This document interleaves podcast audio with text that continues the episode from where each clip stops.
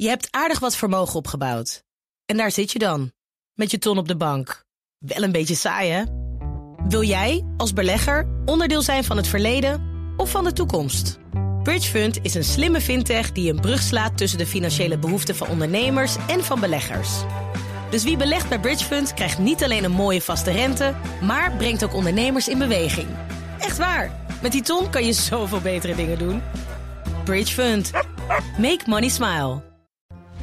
BNR Bouwmeesters wordt mede mogelijk gemaakt door Bouwend Nederland. De bouw maakt het. BNR Nieuwsradio. Zet je aan. BNR Bouwmeesters. Een goed huwelijk of toch eerder een vechtscheiding? Jan Posma. Het is sneller en goedkoper wanneer overheid en bouwers samen wegen, tunnels en bedrijventerreinen bouwen. Kijk maar naar de A15 bij de Maasvlakte of bijvoorbeeld de Tweede Koentunnel. Maar die publiek-private samenwerking, in jargon PPS, gaat nog lang niet van een leien dakje.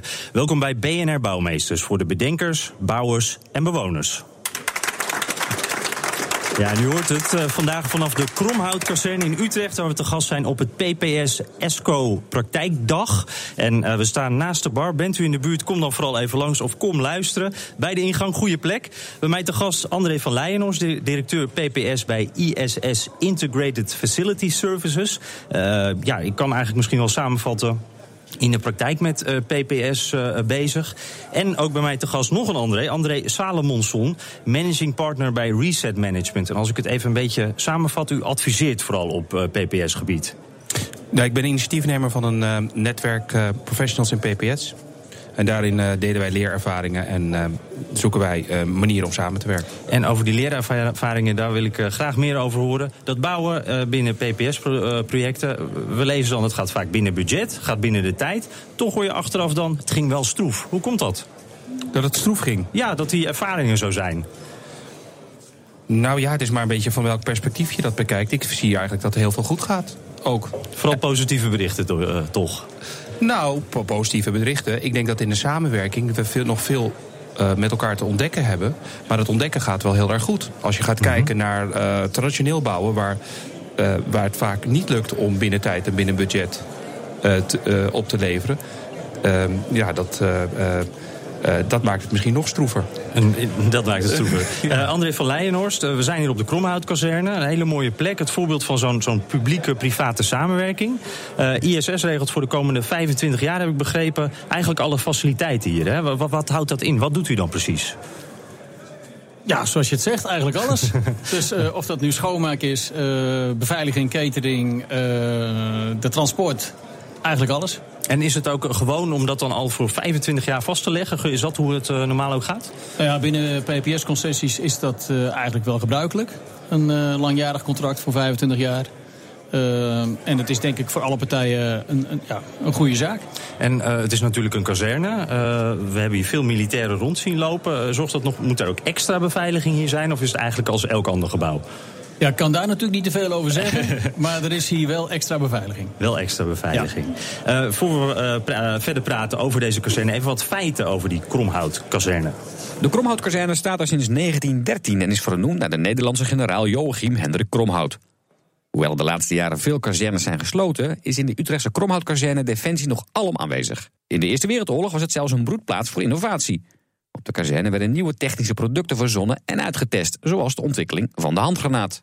Met het einde van de Koude Oorlog werd het oudste deel van de Kromhout-kazerne verkocht aan de Universiteit van Utrecht, die hier een campus heeft.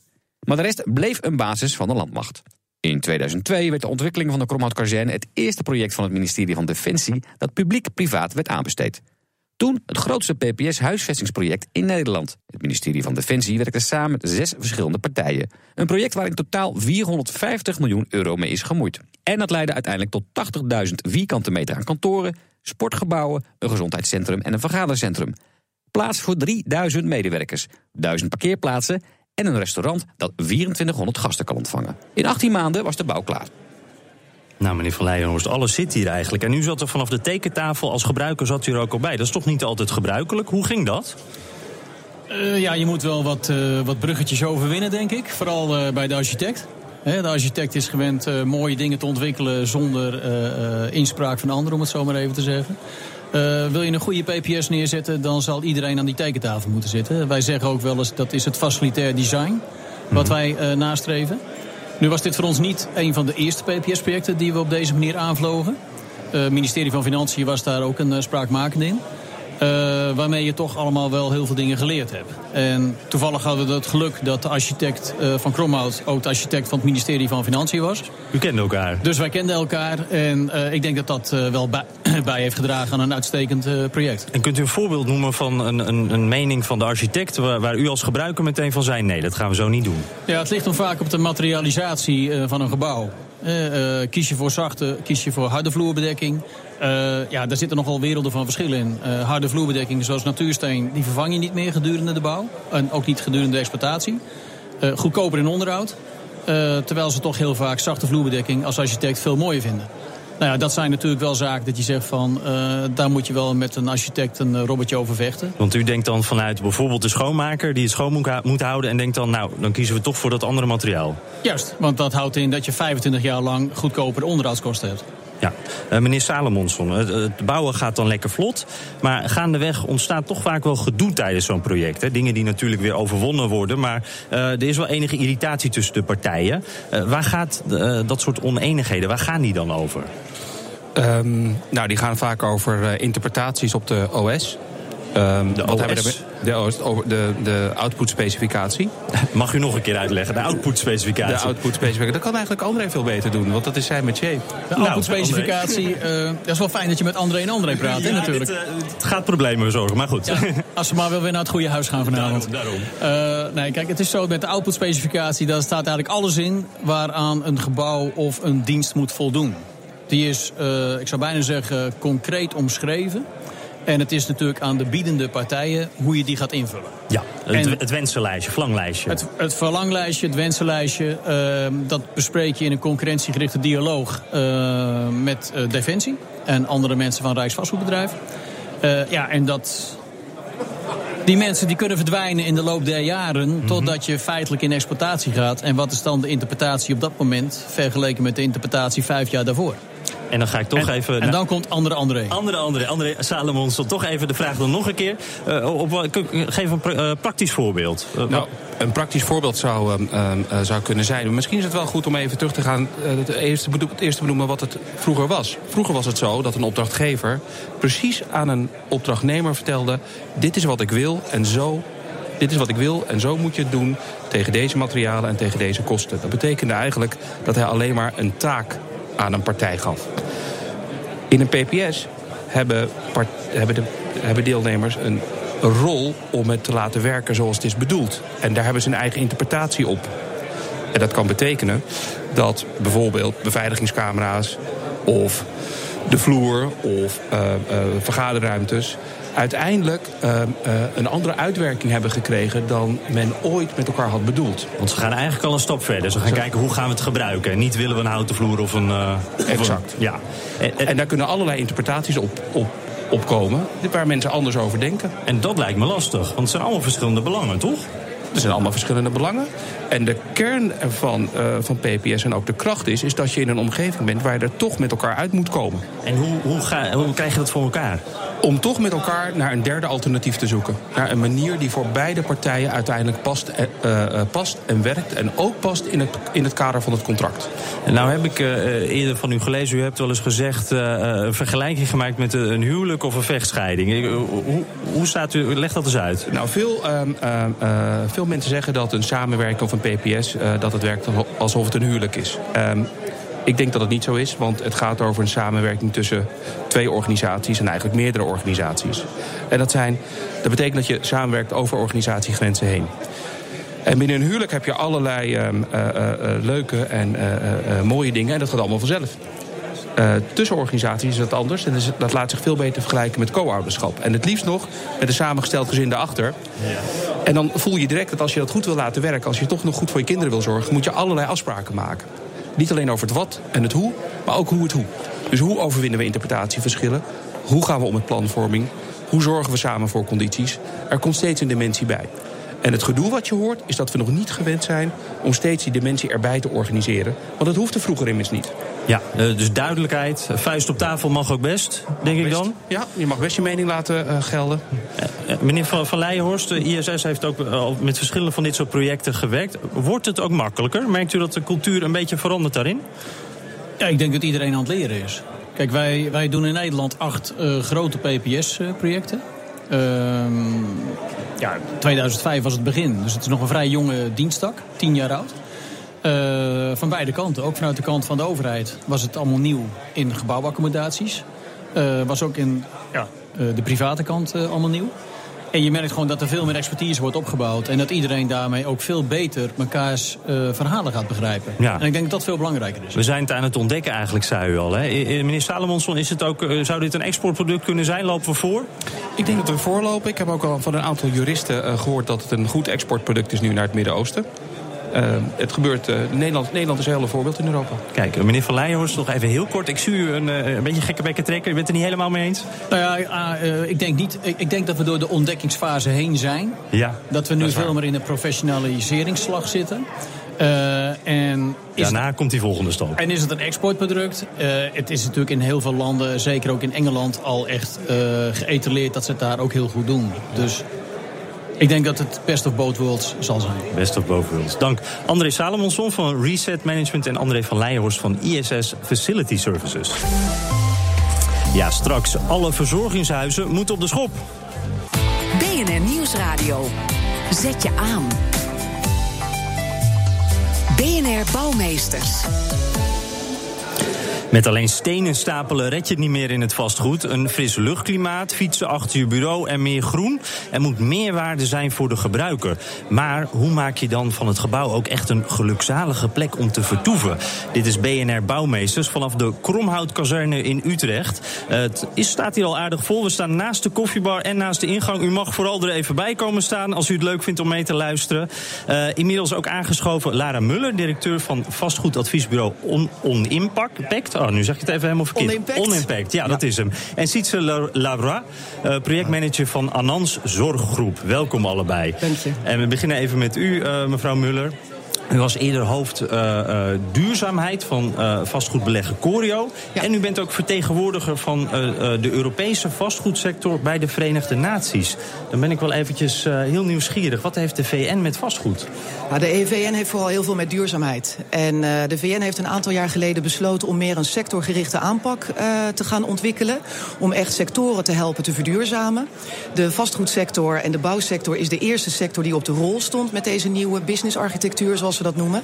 En wat we daar gedaan hebben met een uh, groep uit de hele wereld eigenlijk, vertegenwoordigers van verschillende continenten, maar ook van verschillende sectoren, dus zoals de bouw, vastgoedbeheer, vastgoedexploitatie, ook investeringen, hebben we een toolkit gemaakt. We hebben echt gekeken naar wat zijn nou die verschillende elementen van duurzaamheid aan de sociale kant, dus people, maar ook planet. En hoe manifesteert zich dat in het levenscyclus van vastgoed, van ontwerp tot bouw tot exploitatie?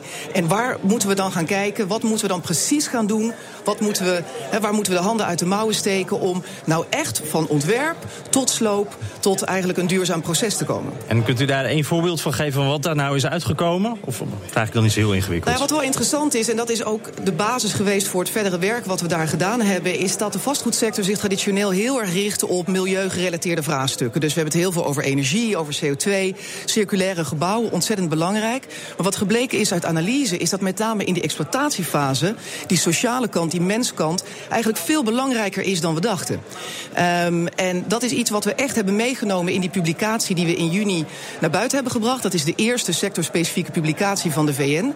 Waarbij we ook echt al die sociale elementen in de exploitatie, als gezondheid, welzijn, uh, zowel aan de kant van leveranciers als aan de kant van huurders, integraal meegenomen hebben in nou, een brede definitie van duurzaamheid in de gebouwde omgeving. Ja, en dan komen we eigenlijk ook meteen bij uw vakgebied. Hè? Want u, u uh, wilt een, een vastgoed met een positieve impact. Dat is het eigenlijk. Ja. Kunt u mij, uh, laat, neem maar eens mee in zo'n gebouw. Hoe ziet dat eruit? Nou, ik denk dat dit gebouw op zich nog niet staat in Nederland. Ik denk dat we dan echt uh, het vliegtuig moeten nemen en naar Los Angeles uh, moeten gaan vertrekken, waar CBRE, partij die ook in Europa vertegenwoordigd is, uh, eigenlijk de eerste is geweest die een concept geïntegreerd heeft in het hoofdkantoor. Dat heet het WELL-concept. Dat is eigenlijk pas vorig jaar oktober gelanceerd door de Well Building Standard. En dat is een concept wat uitgaat van een aantal elementen. Dat gaat uit van luchtkwaliteit, dat kennen we natuurlijk al langer, maar ook watergebruik, voeding heel belangrijk in kantooromgevingen. Uh, comfort, fitness, beweging.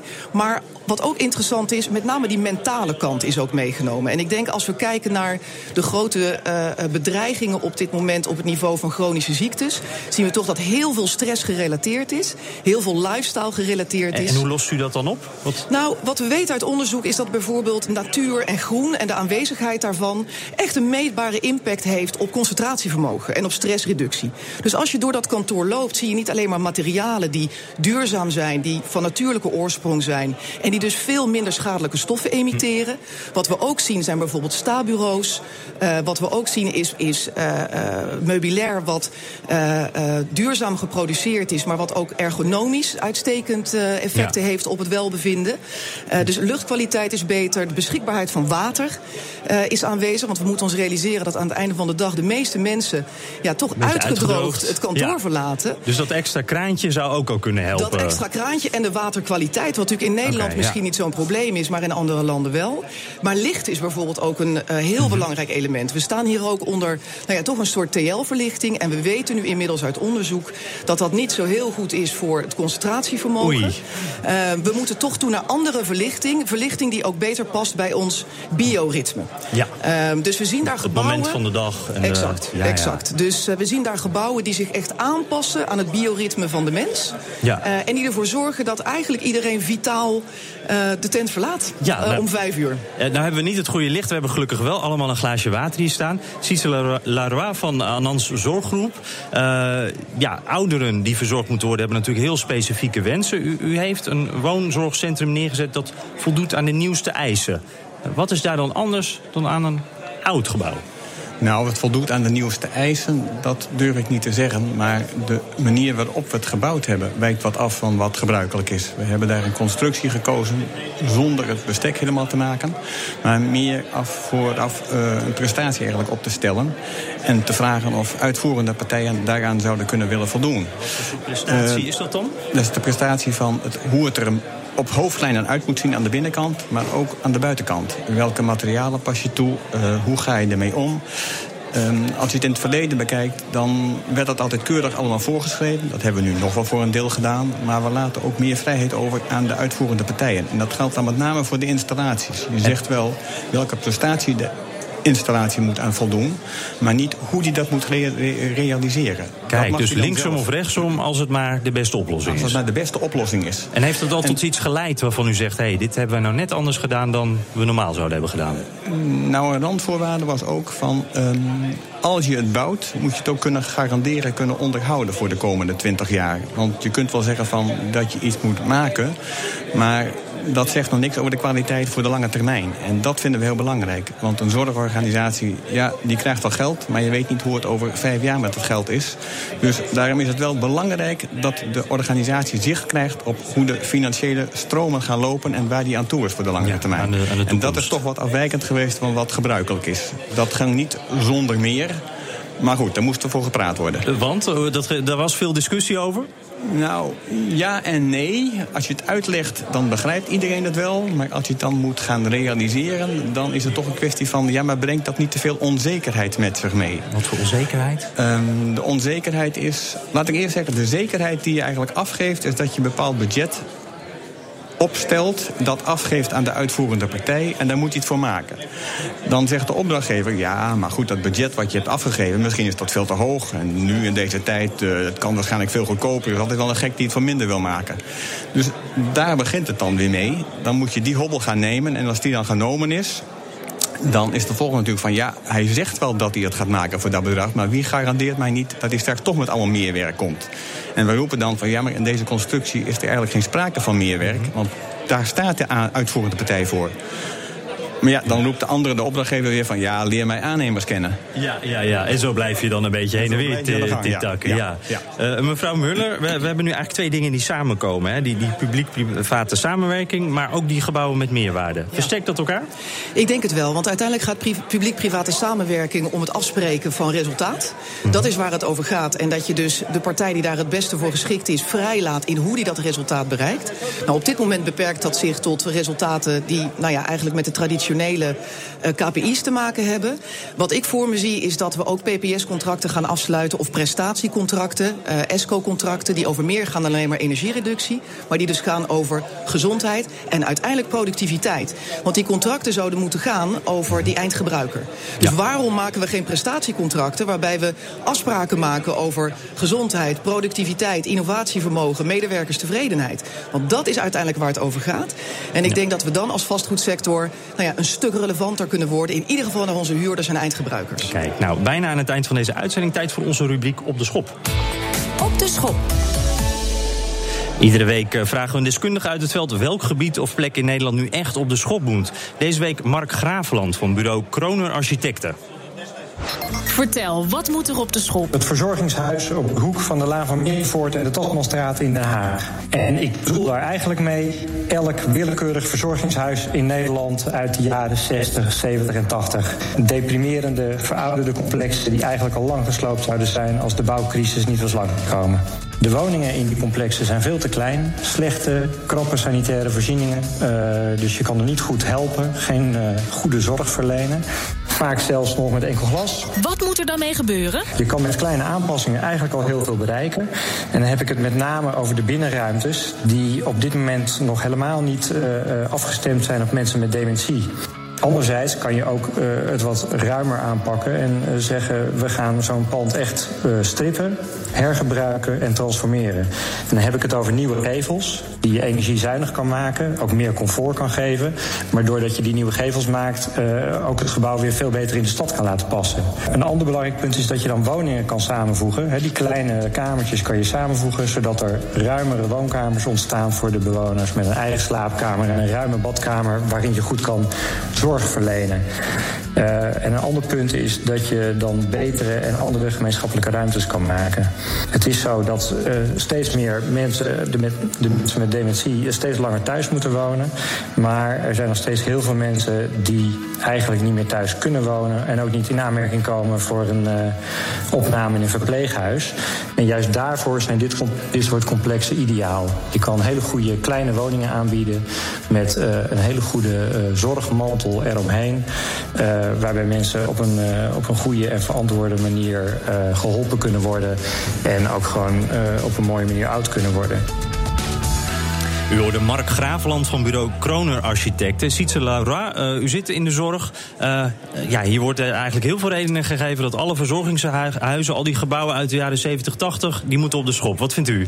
Uh, op de schop, je zou misschien nog verder moeten gaan. Je moet misschien zeggen van breek ze maar af en bouw maar iets nieuws voor terug. Want op de schop, dat wil zeggen dat je er heel veel in investeert.